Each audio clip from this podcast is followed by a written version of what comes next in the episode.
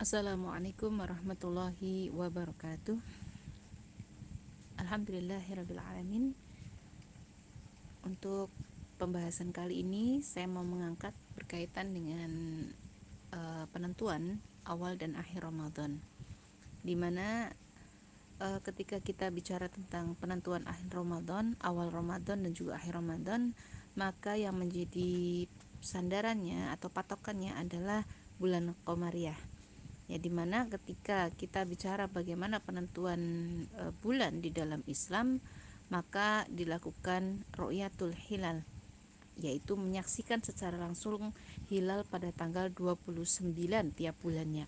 Karena satu bulan dalam Islam itu ada 29 hari maka untuk penentuan awal Ramadan maupun akhir Ramadan pun harus diawali dari ru'yatul hilal Hal dijadikan sebagai patokannya itu di dalam hadis riwayat Bukhari uh, berpuasalah kalian karena melihat hilal dan berbukalah kalian karena melihat hilal. Ya. Sumu li ru'yatihi wa aftiru li ru'yatihi. Nah, kemudian digambarkan apabila pandangan kalian tersamar atau terhalang, maka sempurnakanlah hitungan bulan Sya'ban menjadi 30 hari. Nah, ini menjadi uh, satu sandaran selanjutnya fa in ghubbiya alaikum fa akmilu iddata sya'ban salasina.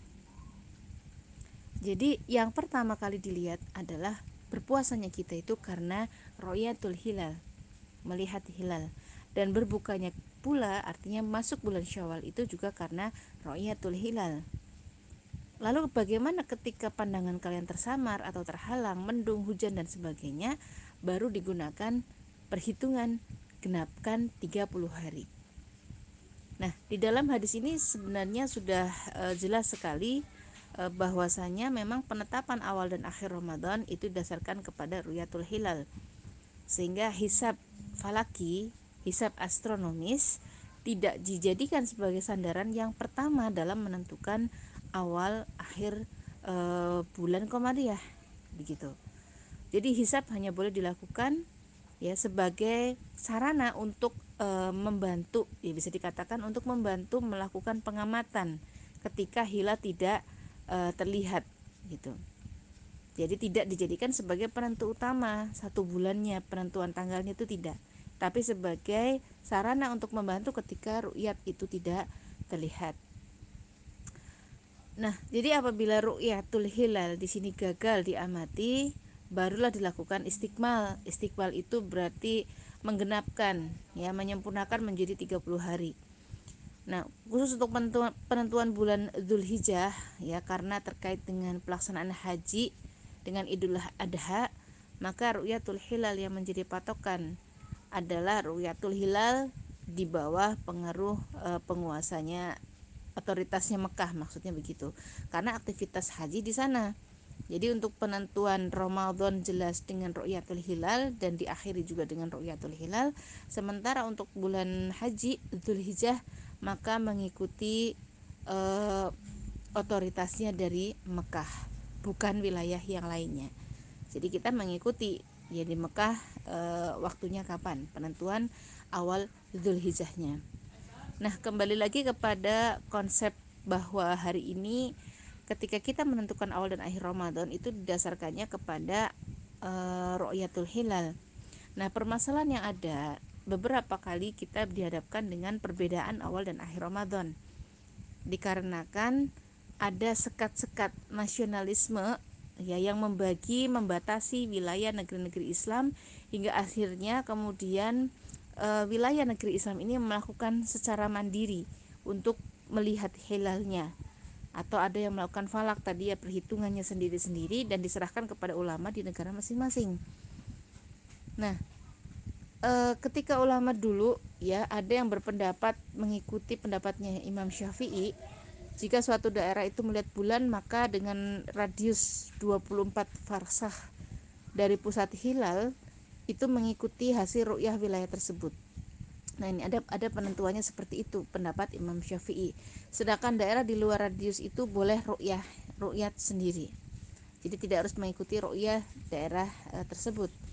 Sehingga dalam hal ini memang e, konsep matla yang diterapkan oleh Imam Syafi'i ini berbasis uh, negara sebagai satu kesatuan ya katanya seperti itu meskipun hari ini kita dihadapkan dengan sekat-sekat nasionalisme yang bisa jadi jarak garis ya garis atau mungkin bujurnya uh, apa namanya satu negara dengan daerah yang lain sebenarnya tidak jauh berbeda tapi karena tersekat dengan nasionalisme maka yang terjadi adalah perbedaan matla itu terlihat jelas dikaitkan juga dengan adanya kebijakan politik ya yang terjadi di masing-masing negara.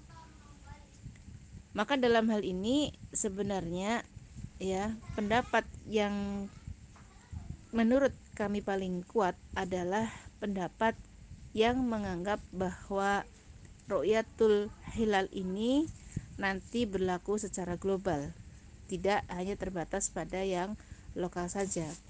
Sehingga mungkin muncul pertanyaan, berapa jarak minimal antara satu daerah dengan daerah yang lain sehingga boleh berbeda.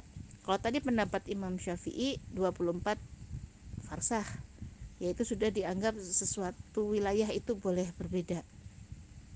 Nah, kalau di dalam hadis jarak antara Madinah dengan Syam itu diperbolehkan penduduknya untuk berbeda mengawali dan mengakhiri Ramadan, puasa Ramadan. Bagaimana kalau jaraknya lebih dekat?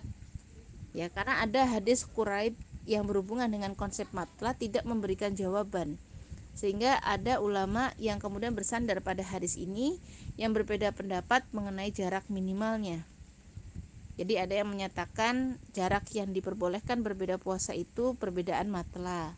Ada juga patokannya pada ukuran jarak yang diperbolehkan mengkosor sholat. Ada yang berdasarkan pada perbedaan iklim bahkan. Nah oleh karena itu Akhirnya karena adanya perbedaan pemahaman seperti ini, maka atas dasar itulah hadis Quraib ini e, dianggap oleh sebagian ulama itu tidak bisa dijadikan sebagai dalil absahnya perbedaan penentuan awal bulan. Ya karena tadi ada terjadi perbedaan dalam memahaminya. Tapi ada pendapat Imam Ash-Shawqani dan As-San'ani yang menyimpulkan bahwa apabila ada penduduk suatu negeri telah melihat ru'yatul hilal tadi, maka ru'yat ini berlaku untuk seluruh negeri-negeri yang lain. Nah, ini yang kemudian eh, pandangan seperti ini itu yang kemudian akhirnya eh, berbeda dengan konsep matla yang sebelumnya tadi dibahas.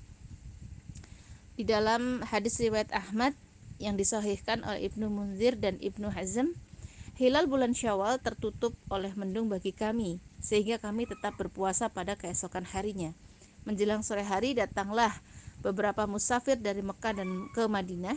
Mereka memberikan kesaksian di hadapan Nabi Shallallahu Alaihi Wasallam bahwa mereka telah melihat hilal kemarin sore.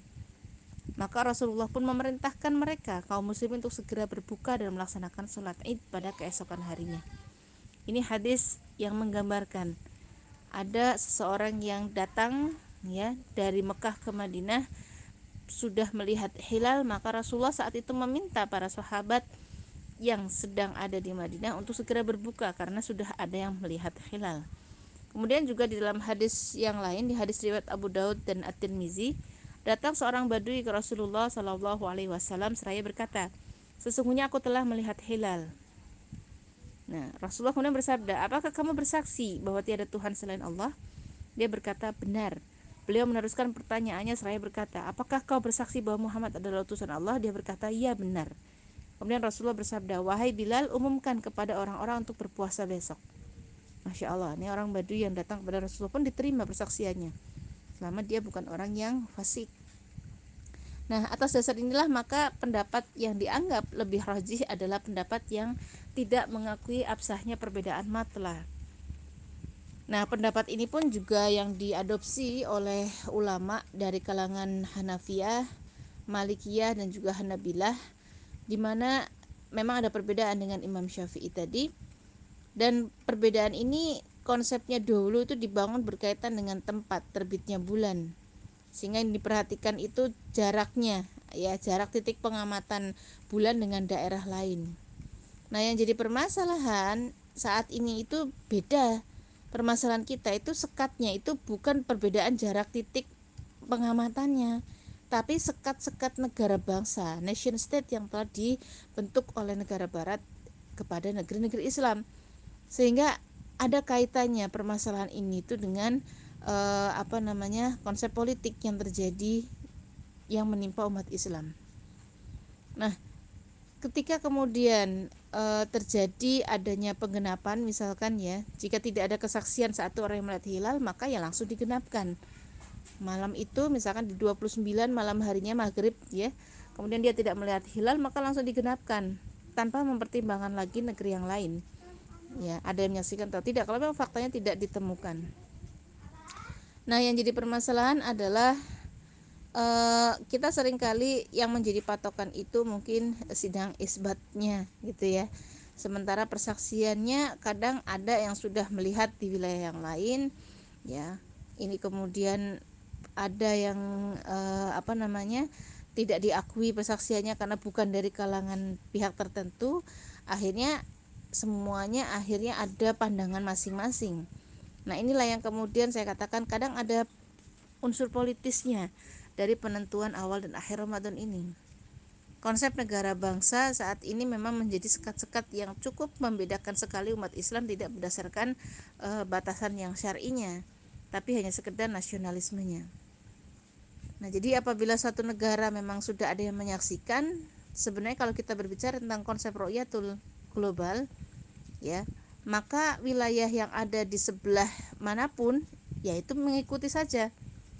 Ya yang penting yang bersaksi itu adalah seorang muslim dan dia bukan orang yang fasik sehingga kesaksiannya bisa diterima. Tapi kalau dia kesaksiannya itu dari seorang yang non muslim tidak adil dia fasik ya kesaksiannya harus ditolak nah ini merupakan cara yang paling penting cara yang dianggap lebih rojih ketika kita menentukan awal dan akhir Ramadan. Ya tidak didasarkan kepada batasannya matla karena ada perbedaan juga dalam memahaminya tapi didasarkan kepada ru'yatul global dan untuk bulan ini berarti untuk e, Ramadan kali ini berarti kita harus melihat ya mengikuti tanggal 29 Sya'bannya itu jatuh pada hari apa. Sehingga malam hari dari tanggal 29 Sya'ban dari batas maghribnya itulah pengamatan mulai dilakukan. Wallahu a'lam bishawab. Assalamualaikum warahmatullahi wabarakatuh.